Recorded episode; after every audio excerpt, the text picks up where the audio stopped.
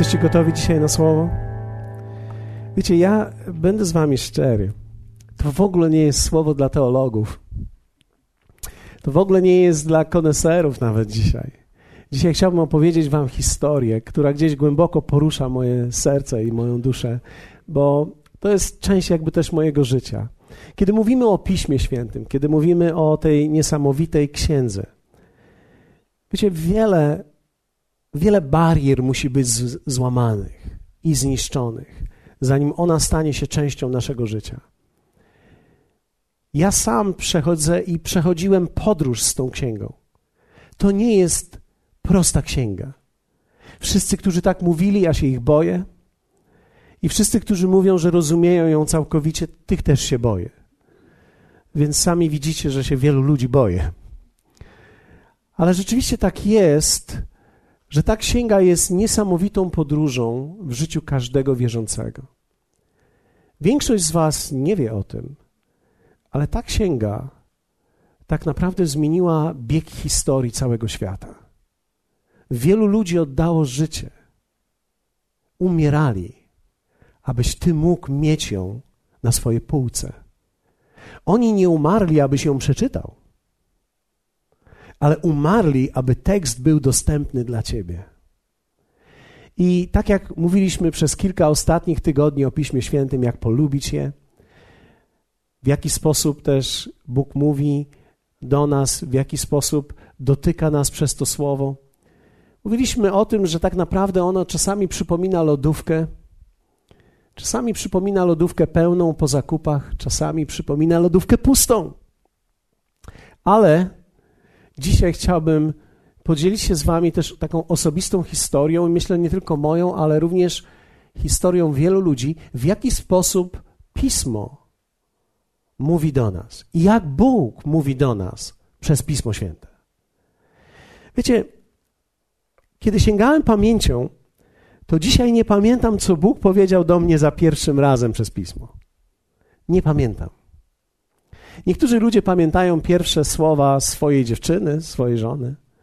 Niektórzy pamiętają dokładnie, jak wyglądała pierwsza randka czy pierwsze spotkanie. Niektórzy wiedzą dokładnie, gdzie dana osoba siedziała i jak wyglądała i w co była ubrana, gdy ją pierwszy raz zobaczyli. Ja pamiętam moją żonę, dokładnie ten obrazek. Pamiętam, kiedy przyszła do mnie na urodziny i wychodząc, mieszkałem wtedy oczywiście razem z mamą, i ona wtedy była w takim białym szalu i w czarnej kurtce. I nie zapomnę tego gestu, takiego zarzucania i poprawiania tego dużego białego szala. I wtedy spojrzała tak na mnie, żegnając się, i poszła do windy. I ten wzrok do dzisiaj mnie trzyma. Ten wzrok do dzisiaj kontroluje moje życie. Kiedy widzę te oczy, to już wszystko wiem i rozumiem. Czasami nie musi nawet nic mówić.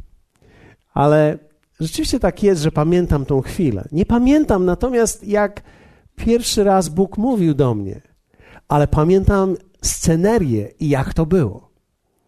Moja historia zaczęła się z Biblią w bardzo interesujący sposób. Wychowywałem się w nominalnej rodzinie, w takiej, której pismo nie było czytane. nie mieliśmy pisma świętego w domu tak naprawdę nikt nie czytał, nikt nie wiedział. To było nawet nie tyle, że zakazane, ile w zasadzie w ogóle Biblia nie była częścią naszego życia. Więc kiedy poszedłem na spotkania i trafiłem na oazę, i kiedy trafiłem na spotkania, gdzie studiowali Pismo Święte, ja byłem zaskoczony, że w ogóle ktoś jeszcze ją czyta. Oprócz oczywiście normalnych, regularnych spotkań nabożeństw.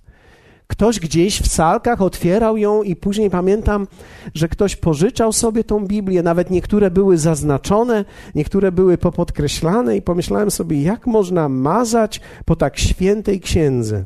Przecież to jest tak święta księga i nie wolno w niej coś jeszcze narysować. Podkreślać coś, tak jakby to było ważniejsze niż to, co jest obok. Ale zwróciło to moją uwagę, że ci ludzie czytając to, gdzieś rozmawiali, dyskutowali o tym. I to było moje pierwsze spotkanie. Oczywiście e, Prawdopodobnie nikt z Was taki nie był jak ja, ale kiedy ja wszedłem pierwszy raz na spotkanie i słyszałem, o czym oni mówili, ja oczywiście wiedziałem więcej niż oni. Nigdy nie czytałem pisma, nigdy, nigdy nie widziałem go na oczy, oprócz tego, że było otwierane gdzieś z daleka, ale ja miałem wrażenie, że wiem więcej. Więc kłóciłem się jak każdy porządny Polak. Kłóciłem się z nimi. Dyskutowałem, rozmawiałem. To jest tak, mi się wydaje, że to jest tak. Dzisiaj, kiedy myślę o tym, co mi się wydawało, oh, wydawało się tak wiele różnych rzeczy. Później pamiętam, pojechałem na rekolekcję. Kiedy pojechałem na rekolekcję, moje doświadczenie z Biblią było interesujące, ponieważ Biblia była konieczną księgą, którą trzeba było wziąć. Więc musiałem się zaopatrzyć w Biblię, więc zaopatrzyłem się w taką małą, drobny druk, wtedy mi pomagał. Wszystko, co było małe, było poręczne, więc pojechałem z Biblią. I pamiętam wtedy, powiedziano mi, że będę ją czytał każdego dnia i że Bóg będzie mówił do mnie przez pismo. Myślałem sobie, mój Boże, to jest niesamowite. Teraz ja pojadę i Bóg będzie do mnie mówił. I wysłali mnie w pole.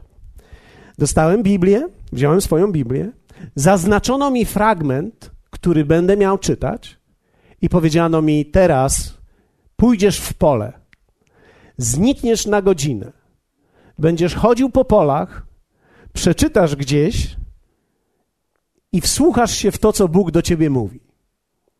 Nazwali to namiotem spotkania.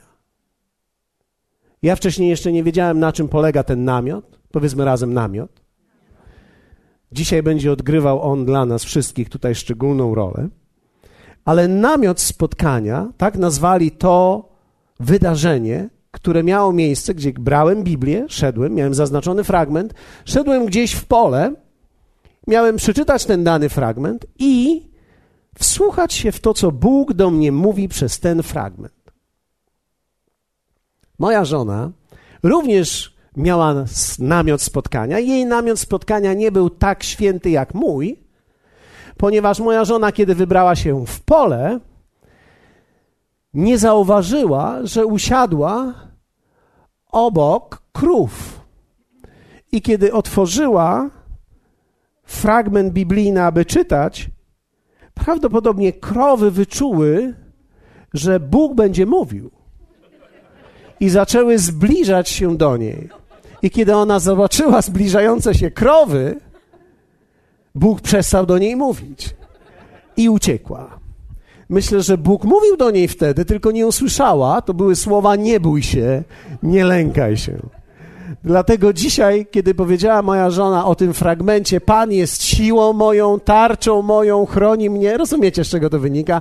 Człowiek koduje te swoje pierwsze doświadczenia, tak to wyglądało. Moje, mojej żony pierwsze spotkanie z Bogiem było spotkanie z krowami. Czasami tak jest w życiu, że człowiek wychodzi, aby spotkać się z Bogiem i spotyka kogoś innego. Czasami tak jest. Dostałem fragment, miałem pójść na godzinę w tak zwane kaszubskie łąki i czytając słuchać Boga. Spójrzmy na fragment z drugiej księgi Mojżeszowej albo z księgi wyjścia z 33 rozdziału, werset 7 do 11. Fascynujący tekst. Myślę, że będziecie w stanie sobie wyobrazić to, kiedy będę czytał. Mojżesz, Mojżesz zaś zwykł by zabierać namiot rozbijał go sobie poza obozem, z dala od obozu i nazywał go namiotem zgromadzenia. To też każdy, kto miał sprawę do Pana, przychodził do namiotu zgromadzenia, który był poza obozem. A ilekroć Mojżesz szedł do namiotu, cały lud powstawał i ustawiał się, każdy przy wejściu do swego namiotu i patrzyli za Mojżeszem, dopóki nie wszedł do namiotu. Ilekroć zaś Mojżesz wszedł do namiotu, słup obłoku opuszczał się i stawał u wejścia do namiotu, a Pan rozmawiał z Mojżeszem. I widział cały lud słup obłoku stojący u wejścia do namiotu, i wtedy powstał cały lud i kłaniali się, każdy u wejścia do swego namiotu. I werset jedenasty. I rozmawiał Pan z Mojżeszem twarzą w twarz, tak jak człowiek rozmawia ze swoim przyjacielem. Po czym wracał Mojżesz do obozu, podczas gdy młody sługa jego, Jozue, syn Nuna, nie oddalał się z namiotu. Zwróćcie uwagę, niektóre może, niektóre tłumaczenia powiedzą wam nie namiot zgromadzenia, ale namiot spotkania. W łacinie ten tekst, to słowo to jest tabernakulum. Tabernakulum to dla tych, którzy są zainteresowani, to jest miejsce, w którym się spotykają osoby. Można powiedzieć, że w łacinie dokładnie oznacza to miejsce spotkania. E, w hebrajskim to jest miejsce umówionego spotkania. Czyli umawiamy się tam, że się spotkamy, idziemy tam i spotykamy się z daną osobą. Powiedzmy razem słowo tabernakulum. Niektórzy z Was kojarzą to, dlatego że w tradycyjnych kościołach mamy tabernakulum, często za ołtarzem, jest ono zdobione, jest ono z lampeczką. Oczywiście to wszystko jest konsekwencja Soboru Trydenckiego z XVI wieku, ale nie będę o tym teraz dalej mówił, ponieważ to nie jest interesujące. Mojżesz jest interesujący w tym momencie. Wierzcie mi, Mojżesz wychodził, brał namiot, rozbijał go i wchodził do namiotu. Wyobrażacie sobie to? Wchodził do namiotu i kiedy wszedł do namiotu, obłok stępował. I wtedy wszyscy wiedzieli, że Pan rozmawia z Mojżeszem twarzą w twarz. Tak jak przyjaciel rozmawia z przyjacielem, jak człowiek rozmawia z przyjacielem. Ciekawą rzeczą jest to, że tutaj, kiedy patrzymy na ten tekst, widzimy, że tak naprawdę mówienie Boże dotyczy relacji i chodzi tu o relacje, a nie o sam tekst. Czyli ciężar tego tekstu, który czytamy, mówi o tym, że Mojżesz rozmawiał jak przyjaciel z przyjacielem, jak człowiek z przyjacielem. Nie wiemy o czym mówili. Wiemy, że rozmawiali jak przyjaciele. Chwilę porozmawiajmy o tym, jak przyjaciele mówią. Dlatego, że to jest ważne. Wiecie, jeśli przyjaciel rozmawia z przyjacielem, to rozmawiają o tym, co, czym żyją i co przeżywają. I to jest coś, co jest bardzo istotne, dlatego że wierzcie mi, jedna z największych rzeczy, która jest pomyłką dla każdego człowieka i ja ją również popełniałem, to jest kiedy szedłem do Boga, aby On ze mną rozmawiał i mówił do mnie, to miałem wrażenie, że ja rozmawiam teraz z Bogiem. No o czym rozmawiać z Bogiem? Ja, człowiek, o czym mam porozmawiać z Bogiem? To jest troszeczkę tak, jak teraz e, w tym tygodniu miałem okazję być na spotkaniu noworocznym e, u pana prezydenta i, i wiecie, to jest troszeczkę w ten sposób, kiedy masz porozmawiać z prezydentem, o czym rozmawiać z prezydentem? Jak się ma gospodarka regionu? Albo jak, wygląda, jak wyglądają plany edukacji na najbliższe 10 lat? Co się w naszym mieście zmieni? Ale wiecie, my mówimy tutaj o prezydencie stosunkowo niedużego miasta. Więc teraz natychmiast, kiedy ja mam z nim rozmawiać, ja natychmiast wchodzę na jego poziom, żeby rozmawiać o tych rzeczach, które dotyczą jego. Ale teraz jak rozmawiać z Bogiem? Niektórzy ludzie pomyślą sobie tak. Kiedy stanę przed Bogiem, to go zapytam: Boże, czy jest w planach trzecia wojna światowa? Dlatego, że o czym rozmawiać z Bogiem? Wiecie, większość ludzi myśli, że ich problemy i ich życie jest zbyt małe, żeby rozmawiać z Bogiem, więc kiedy chcą rozmawiać z Bogiem, natychmiast się windują do takiej roli teraz przemyśleń tak zwanych globalnych. Co zrobimy z głodem światowym, Boże? Tymczasem ten tekst mówi mi, że kiedy Mojżesz rozmawiał z Bogiem, rozmawiał jak człowiek rozmawia z przyjacielem. A przyjaciele rozmawiają o tym, czym żyją. I teraz ciekawe jest, Mojżesz nie zbudował namiotu w niebie. Mojżesz budował namiot na ziemi i Bóg przychodził do tego namiotu. Innymi słowy, to jest obraz tego, że Bóg przychodzi i chce rozmawiać o Twoich sprawach, o tym, czym Ty żyjesz, o tym, co ty przeżywasz, a nie o tym, co jest globalnym problemem Bożym. Dlatego, jak Bóg mówi do nas? Po pierwsze, On zawsze przychodzi do namiotu. Wiecie, kiedy mówimy słowo namiot, musimy zobaczyć, że słowo namiot to jest mieszkanie. To był naród, który koczował. Przemieszczali się z miejsca na miejsce, więc namiot nie był świątynią w tym momencie dla nich. To było zwykłe miejsce ich zamieszkania, to było coś, czym żyli na co dzień. To nie było nic skomplikowanego, żeby rozstawić namiot. Namiot to była część ich życia. Więc Bóg przychodzi do namiotu. Bóg przychodzi i chce rozmawiać o tym, co się dzieje w Twoim namiocie, w Twoim M3, M2, M1, wynajętym, w Twoim domu, który może nie jest wykończony. Być może w czymkolwiek, co jest Twoją siedzibą i chce rozmawiać o rzeczach, które dotyczą Ciebie. Namiot był życiem dla tych ludzi. Oni to znali. Wiecie, kiedy ludzie idą do świątyni lub do kościoła tak zwanego, to jest już trochę inaczej. Bo kiedy przychodzimy do kościoła, staramy się być jacyś poprawni. Zauważyliście to? Zaczynamy się jakoś tak uśmiechać. Nie wszyscy, nie wszyscy, rozumiem, nie wszyscy. Niektórzy natychmiast zrobili minę poważną. Ja nie. Ja się nie uśmiecham, ja jestem normalny. Ale rzeczywiście tak jest, że kiedy przychodzimy do, do miejsca wspólnego zgromadzeń, jest inaczej, a zupełnie jest inaczej, kiedy jesteśmy tam sami. Zobaczcie, że Mojżesz nie miał tam całego grona ludzi, którzy się spotykali z Bogiem i z nim, tak żeby on odgrywał tam jakąś rolę. On tam był sam.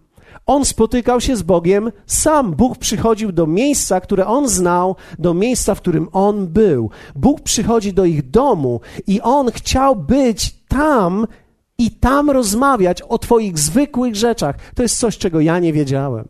Było to dla mnie olbrzymim przełomem, kiedy się zorientowałem, że Bóg jest zainteresowany tym, co jest we mnie, tym, co jest w moim namiocie, tym, co jest w moim życiu, w mojej duszy, w moim umyśle tym, co jest, co się dzieje w mojej rodzinie, tym, co się dzieje w mojej szkole, którą wtedy miałem, gdy zaczynałem moje życie z Bogiem.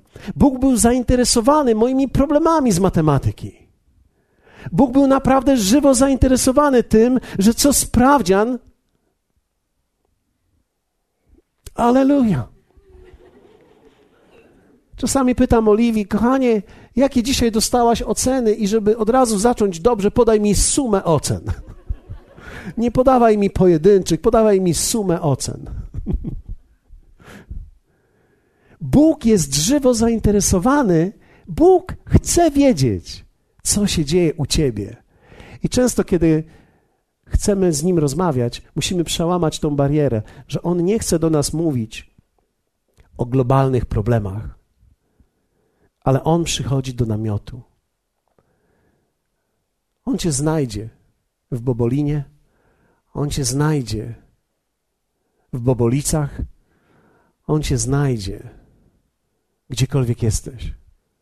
On cię znajdzie w Słupsku, on cię znajdzie wszędzie, on cię znajdzie w tych miejscowościach, które nas teraz oglądają. On cię znajdzie, być może jesteś tam sam.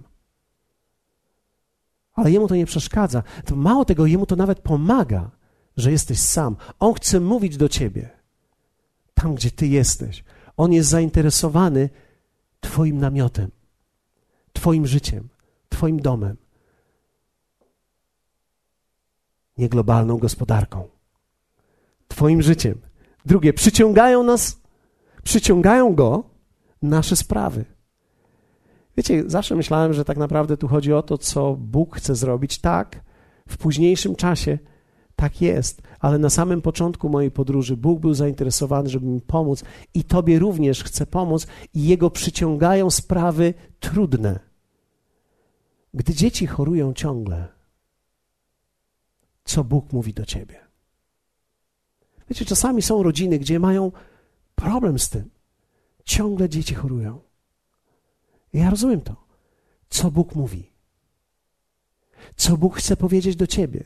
Nie do mnie do ciebie, bo On chce znaleźć rozwiązanie dla ciebie. On przyjdzie do ciebie z Twoim rozwiązaniem. Kiedy masz ciągły problem z pracą i nie możesz się ustabilizować, i raz jedno bierzesz, raz drugie, i ciągle to nie jest to, co Bóg mówi do ciebie. Kiedy ty jesteś pochłonięty czymś, Bóg nie będzie ciebie ciągnął w dyskusję o plemionach afrykańskich.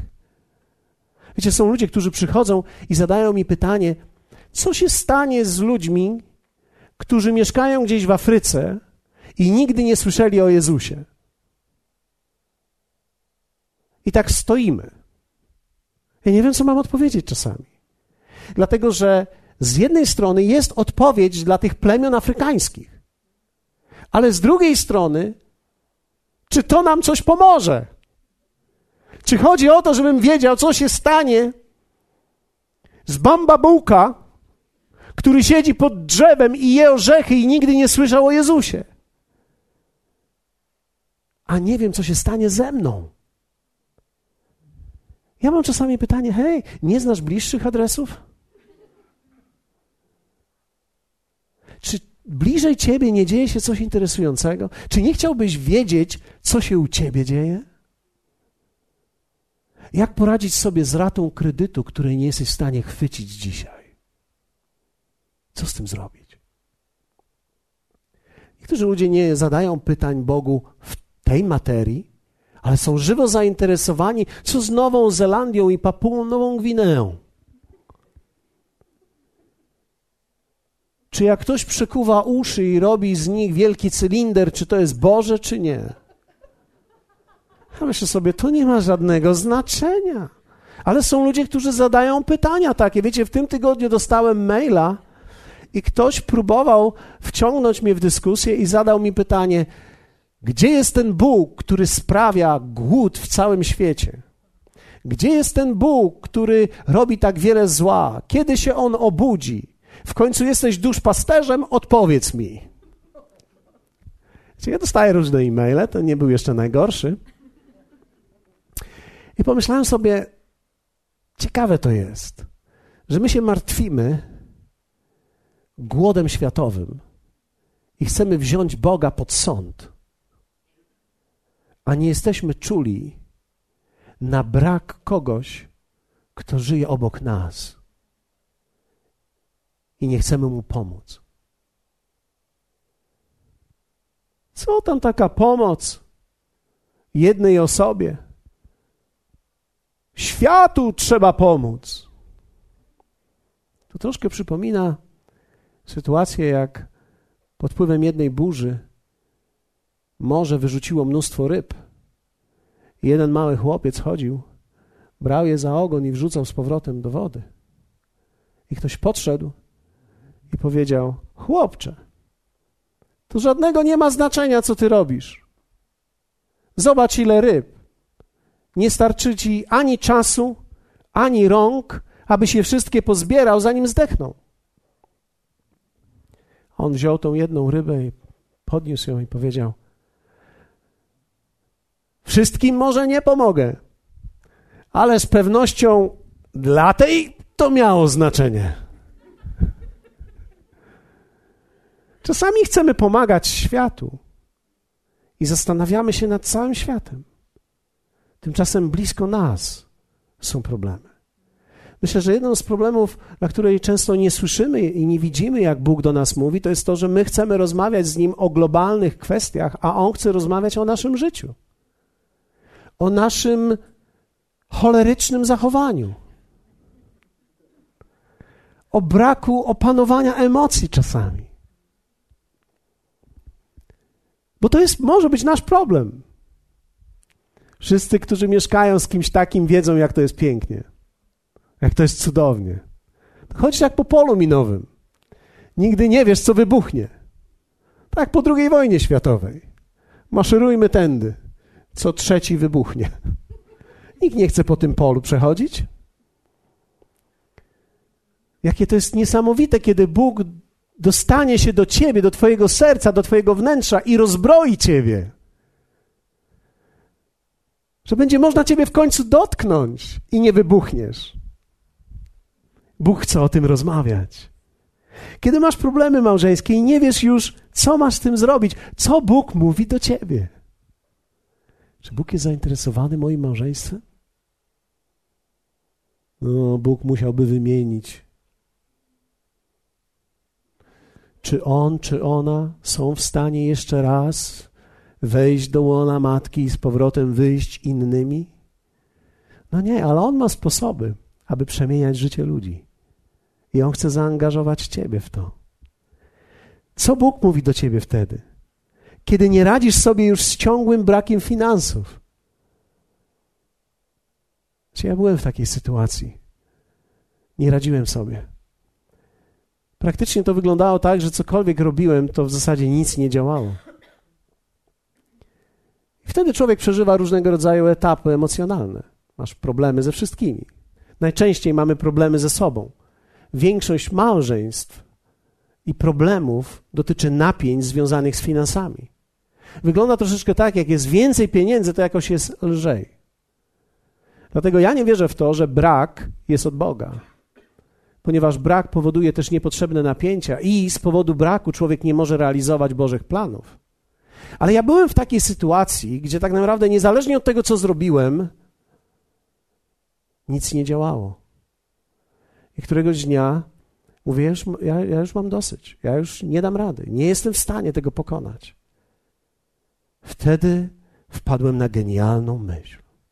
Powiedzmy wszyscy genialna myśl. Zapytam Boga, co on o tym sądzi. Może coś do mnie powie. I wtedy Bóg powiedział do mnie: Musisz się wiele jeszcze nauczyć w zarządzaniu, ale również musisz złamać ubóstwo, które jest duchową siłą nad Twoim życiem. Ja nie wiedziałem, jak to się robi, ale pomyślałem sobie, nawet jak człowiek nie wie, jak to zrobić,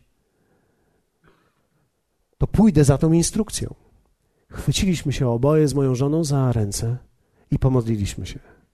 Staliśmy wtedy w jednym z pokojów, tak można to nazwać. To były jeszcze czasy, gdzie malowaliśmy podłogę wokół dywanu. Tak na pięć centymetrów w środek, żeby w razie jak się przesunie, żeby nie było widać. Wiecie, człowiek oszczędzał na wszystkim. I, I wtedy złapaliśmy się za ręce i powiedzieliśmy: Duchu Święty, łamiemy ubóstwo nad naszym życiem. Dziękujemy Ci za to, że Ty nas nauczysz tej drogi, ale my wiemy, że to jest proces. Ale dziękujemy Ci i wierzymy dzisiaj, że ubóstwo nad naszym życiem jest złamane. To był wieczór, dziewiąta wieczorem, godzina dziesiąta czterdzieści z minutami. Pukanie do drzwi. Otwieramy drzwi, wchodzi jeden człowiek, którego znaliśmy, i on mówi: Paweł, nie wiem co się stało, ale przejeżdżałem przez koszalin i ja nigdy nie słyszę Boga, ale wtedy usłyszałem. Bóg powiedział, żebym tą część pieniędzy włożył w kopertę i dał Tobie. Nie wiem, co to znaczy. Nie wiem, czy to ma jakiś sens dla ciebie. Może ci przeszkadzam teraz, może się obrazisz. Weź te pieniądze.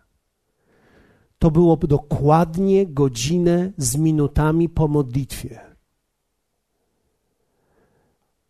Pożegnam się z nami, otwieram kopertę, a w tej kopercie były dwie moje nauczycielskie wypłaty. Spojrzałem na moją żonę Spojrzałem w niebo i pomyślałem sobie, rozumiem. Wiem, co się stało. Przed chwilą złamałem ubóstwo. I nagle Bóg pokazał mi, że jest pełen mocy i że jestem zainteresowany tym, co się dzieje w moim namiocie. Pamiętam wtedy wieczorem poszedłem do piwnicy, w której paliłem wrzuciłem trochę węgla. Pierwsze moje odczucie było: tej zimy nie zabraknie nam węgla. Halleluja. Dzisiaj po latach możemy kupować ludziom węgiel. Nie dla siebie już, ale dla innych ludzi, na cały sezon. Bóg wyprowadził nas, bo przemówił do nas. Dlatego, że Bóg chce mówić do ciebie w Twoim namiocie i jest przyciągnięty Twoimi sprawami. Kiedy Ciebie boli, kiedy jest Ci trudno, On jest przyciągnięty i chce o tym z Tobą rozmawiać. On jest bardzo tym zainteresowany. Oczywiście pamiętałem również to, że On powiedział: Będziesz się musiał jeszcze wiele nauczyć. Bo ja byłem i jestem chłopak prosty, choć dorosły.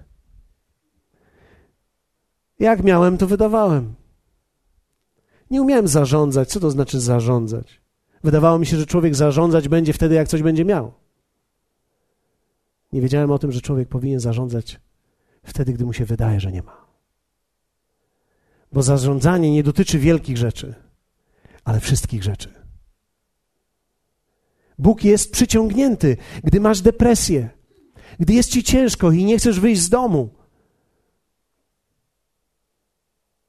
Słyszę, jak Duch Święty teraz mówi, że to jest słowo do kogoś. Bóg jest przyciągnięty, jeśli go wezwiesz i będziesz z nim rozmawiał w miejscu swojego zmęczenia życiem. On przyjdzie do ciebie, da ci słowo. On będzie mówił do ciebie z tego słowa. I to niezależnie od tego, czy trafisz na Stary czy na Nowy Testament, chociaż pamiętam moje pierwsze doświadczenia, to był Stary Testament. Nikt mi nie powiedział, że mam zacząć od nowego. Dali mi Stary Testament i kazali czytać. Wiecie, z czytaniem Starego Testamentu to jest troszeczkę tak jak z oglądaniem lekarza, który robi operację. Kiedy patrzysz na lekarza, który robi operację, on bierze nóż, rozcina, odcina, zszywa. Chciałoby się powiedzieć, co ty robisz? Ranisz człowieka, albo widzisz go, jak on bierze nogę i tak celuje, bierze piłę i. Hmm. Jak horror. A on piłuje tą nogę. I myślisz sobie, mój Boże, co on robi? On niszczy ludzi. Dlatego, że ty nie wiesz, że on odcinając tą nogę, ratuje całego człowieka, bo noga była zakażona. I gdyby jej nie odciął, cały człowiek by zmarł. Więc czasami mamy właśnie takie pojęcie, kiedy czytamy pismo w Starym Testament, widzimy, jak Bóg dokonuje operacji, chcemy krzyczeć na tego lekarza, nie wiedząc, że on ratował ludzi. Bo gdyby tego nie zrobił, byłaby wielka tragedia. Ale tak to trudno jest rozpoznać. Dlatego jest bezpieczniej często czytać Nowy Testament. Bo Nowy Testament opisuje lekarza, który nie dokonuje operacji już, ale który uzdrawia, który nie odcina nogi, ale kładzie ręce na nogę i mówi: bądź zdrowa. Bóg rzadko mówi do nas o końcu świata, o plemionach, o tej Afryce. Bóg chce rozmawiać o tych sprawach, które są w naszym życiu. Jezus jest Bogiem namiotu, czyli Twojego domu, a nie świata. Zobaczcie, Jezus, kiedy chodził po ziemi, był zainteresowany dokładnie tym, co się działo właśnie wtedy. Pamiętacie, jest fragment o uzdrowieniu teściowej Piotra. Ja wiem, że nie zawsze uzdrowienie teściowej wiąże się z chlubą. Ale to ona miała służyć im. Więc tak naprawdę to jest niesamowite, ale Jezus był zainteresowany tym, co się stało w jej życiu. Ona była w gorączce i to jest to, co ją bolało. To był, to był trudny moment dla nich jako rodziny i Jezus uzdrowił ją. Wskrzeszenie młodzieńca, jedynego syna wdowy. Wiecie, w pewnym sensie Jezus tamtędy tylko przechodził, albo, albo szedł tamtędy i ktoś przechodził i on zauważył tą sytuację. Jezus jest zainteresowany tym, co się dzieje aktualnie w Twoim życiu, tym, co przeżywasz. Dlatego, że każdy człowiek ma miejsce swojego bólu. Wskrzeszenie Łazarza było dokładnie takim samą, taką samą sytuacją. Coś się stało i on tam poszedł. Fakt, że się spóźnił, ale wiemy, że spóźnił się celowo. Jezus również był związany tym, co się działo w tamtym świecie. Jezus miał również sytuację, w której musiał zapłacić podatek. Podatki dzisiaj to duża sprawa. Dla tych, którzy prowadzą firmy, wiedzą o tym, co to znaczy. I Jezus był zainteresowany podatkami i znalazł rozwiązanie na dany moment na podatki. Jezus zainteresowany jest Twoim watem zaległym. Jeśli ktoś z Was ma zaległy wat, ale ci, którzy mają, wiedzą o tym. Uciszenie burzy było dokładnie sytuacją w tym momencie. Dlatego, że Bóg jest zainteresowany tym. Czasami modlimy się, wiecie, ja, ja wierzę Bogu, że On przytrzymał pogodę dla nas. Ktoś może powiedzieć, to nieprawda. Ja myślę, że dla nas, aby woda życia mogła skończyć dach. Ja wiem, że nie mogłeś wtedy pojeździć na sankach, ale dach był skończony. Nie wiem, czy to Bóg musiał zatrzymać pogodę dla całego kraju, ale jeśli tak musiał zrobić, to dziękuję mu za to, ponieważ skończyliśmy dach i śnieg przyszedł. Bóg nie gardzi naszymi problemami, on jest przyciągany do nich. I teraz, kiedy otwierasz swoją Biblię i kiedy zaczynasz ją czytać, tu nie chodzi o to, ile, ale jak wiele z tego wyciągasz. Nie śpiesz się. W dialogu nie trzeba się śpieszyć bo to jest relacja. To nie jest na ilość. Relacja budowana nie jest przez ilość wypowiedzianych słów, ale przez jakość wypowiedzianych słów. Jakość wypowiedzianych słów i ich ciężar gatunkowy jest o wiele ważniejszy niż ilość. Zwróćcie uwagę, że często jedno spojrzenie i delikatne słowo buduje nas bardziej niż cały zestaw słów. Czasami, a może jeśli ktoś z Was nie czuje tego i nie jest w stanie w tą stronę się wychylić, to pozwólcie, że powiem Wam, czasami jedno słowo nas denerwuje, prawda? Jedno słowo nas jest w stanie zdenerwować w drugiej osobie. Tak samo też jest z drugą stronę. Jedno słowo, miłe, uprzejme, ciężar pewien.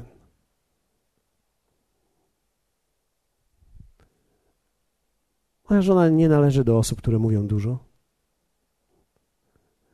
Wygląda na taką, ale nie jest taką.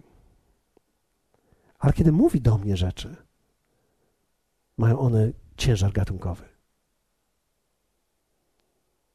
Nie wyznaje mi miłości trzy razy dziennie. Niestety.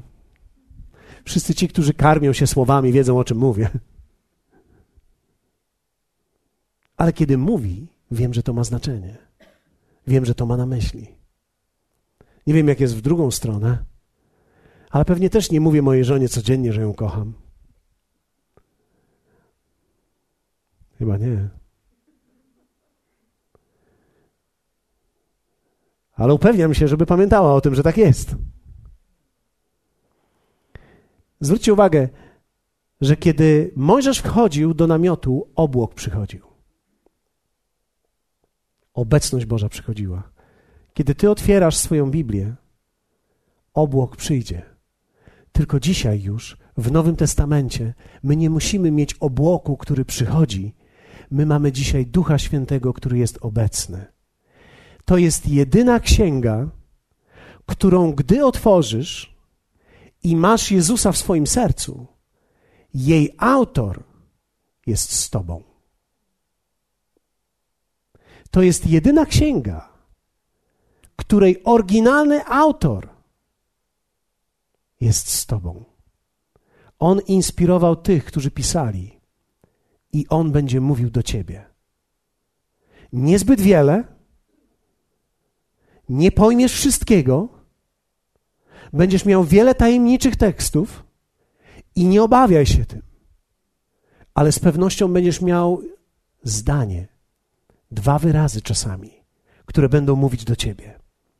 Jezus powiedział w Ewangelii Jana takie słowa – Lecz gdy przyjdzie On, Duch Prawdy, wprowadzi was we wszelką prawdę, bo nie sam od siebie mówić będzie, lecz cokolwiek usłyszy, mówić będzie i to, co ma przyjść, oznajmi wam. Jezus powiedział tak, że gdy Duch Święty przyjdzie, a my wiemy, że On przyszedł, młodzież, która była wczoraj na spotkaniu, na wyjeździe, wie, że On przyszedł. Duch Święty przyszedł do nas, zrodził Kościół, jest z nami i ten Duch Święty, Jezus powiedział, On wprowadzi was we wszelką prawdę.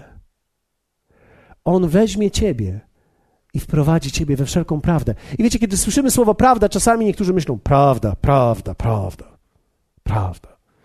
Ale tak naprawdę to słowo prawda to nie chodzi o prawda, tylko rzeczywistość. Prawdziwość, jak te rzeczy się mają, jak one naprawdę są, jak Bóg je widzi. Inaczej mówiąc, Duch Święty, gdy przyjdzie, On wprowadzi Ciebie i pokaże tą sytuację, w której Ty jesteś, tak jak On to widzi. I będziesz wiedział, co masz zrobić. Nie będziesz wtedy sam. Nie będziesz musiał być pozostawiony sam sobie i sam sobie tłumaczyć swoje życie, sam sobie tłumaczyć swoje okoliczności, że to pewnie jest dlatego, a to jest pewnie dlatego, a to jest pewnie dlatego, ale weźmiesz interpretację, z którą On przyjdzie do ciebie i On wprowadzi ciebie w całą tą rzeczywistość. Biblia nazywa go duchem mądrości. Kiedy jesteś zrodzony z Boga, ty jesteś dzisiaj chodzącym tabernakulum. Nie musimy dzisiaj cię ozdobić, nie musimy tego zamknąć, to już jest zamknięte. Biblia nawet mówi, że jest zapieczętowane. Duch Święty jest w tobie. Ty jesteś dzisiaj chodzącym tabernakulum, więc kiedy otworzysz to pismo, Bóg będzie mówił do ciebie w Twoim wnętrzu. Będziesz słyszał Jego słowa w swoim sercu, w swoim umyśle, będziesz miał myśli, które będziesz odczuwał, że nie są od ciebie. Są myślami, które są interpretacją tego tekstu. Czasami Bóg będzie mówił do ciebie i czasami z jednego tekstu do jednego powie to, a do drugiego powie zupełnie coś innego i to jest prawidłowe. Jest pewien obszar różnicy, w interpretacji tekstu, który nie tylko jest dopuszczalny, ale który jest prawidłowy, bo Bóg użyje słowa do jednego człowieka takiego, a do drugiego innego, nawet opierając się na tym samym fragmencie. Więc nie bój się, że kiedy ty przeczytałeś jakiś fragment, a później przychodzisz na spotkanie i ja mówię ci, że to oznacza to i to, ty powiesz: O mój Boże, wiedziałem, że się pomyliłem. Nie pomyliłeś się. W tamtym czasie Duch Święty mówił do ciebie to, co chciał powiedzieć przez ten tekst.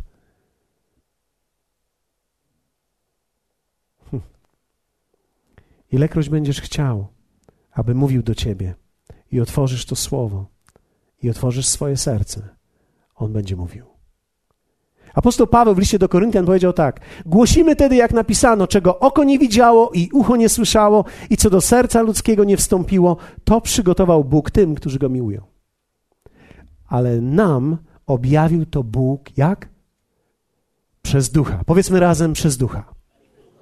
Jeszcze raz głośniej i wyraźniej. Przez ducha. A teraz wszyscy, którzy oglądają nas przez internet, powiedzą przez ducha. przez ducha. Bóg mówi do nas przez ducha i dzisiaj będziemy właśnie o to się modlili.